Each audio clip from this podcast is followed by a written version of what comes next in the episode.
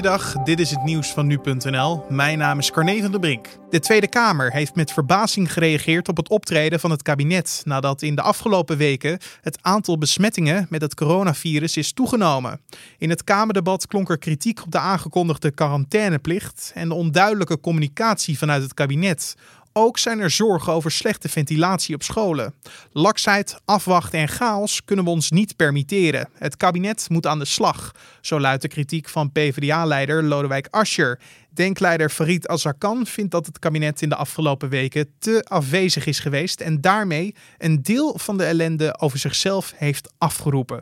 In de buurt van het Schotse Stonehaven in de regio Aberdeenshire is woensdagochtend een trein ontspoord. Op de plaats van het ongeluk is sprake van veel rookontwikkeling. De Schotse premier spreekt van een buitengewoon ernstig incident.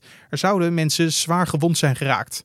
Het is de laatste dagen extreem slecht weer in het midden en oosten van Schotland. Stortbuien en onweersbuien hebben daar lokaal tot overstromingen geleid. Hierdoor waren er al veel verstoringen in de dienstregeling van de treinen. Hoe de trein heeft kunnen ontsporen is nog niet bekend. Opnieuw is er tijdens deze hitteperiode een record gesneuveld. Vandaag steeg het kwik in de beeld voor de zevende dag op rij naar de 30 graden Celsius. En dat is sinds het begin van de metingen in 1901 nooit eerder voorgekomen. Zo meldde het KNMI en Weerplaza. Het oude landelijke record stamde uit 1941 en 1975. In beide jaren was er sprake van een reeks van zes tropische dagen in de beeld. De afgelopen dagen regende het al warmterecords.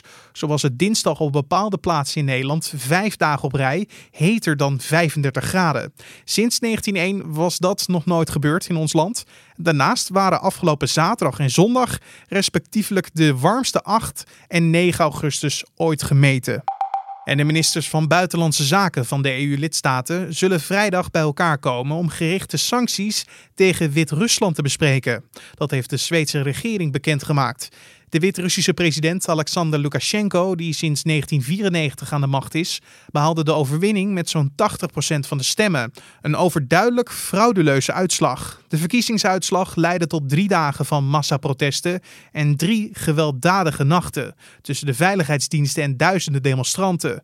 Daarbij kwamen zeker twee betogers om het leven en honderden anderen zijn gewond geraakt. En tot zover de nieuwsupdate van nu.nl.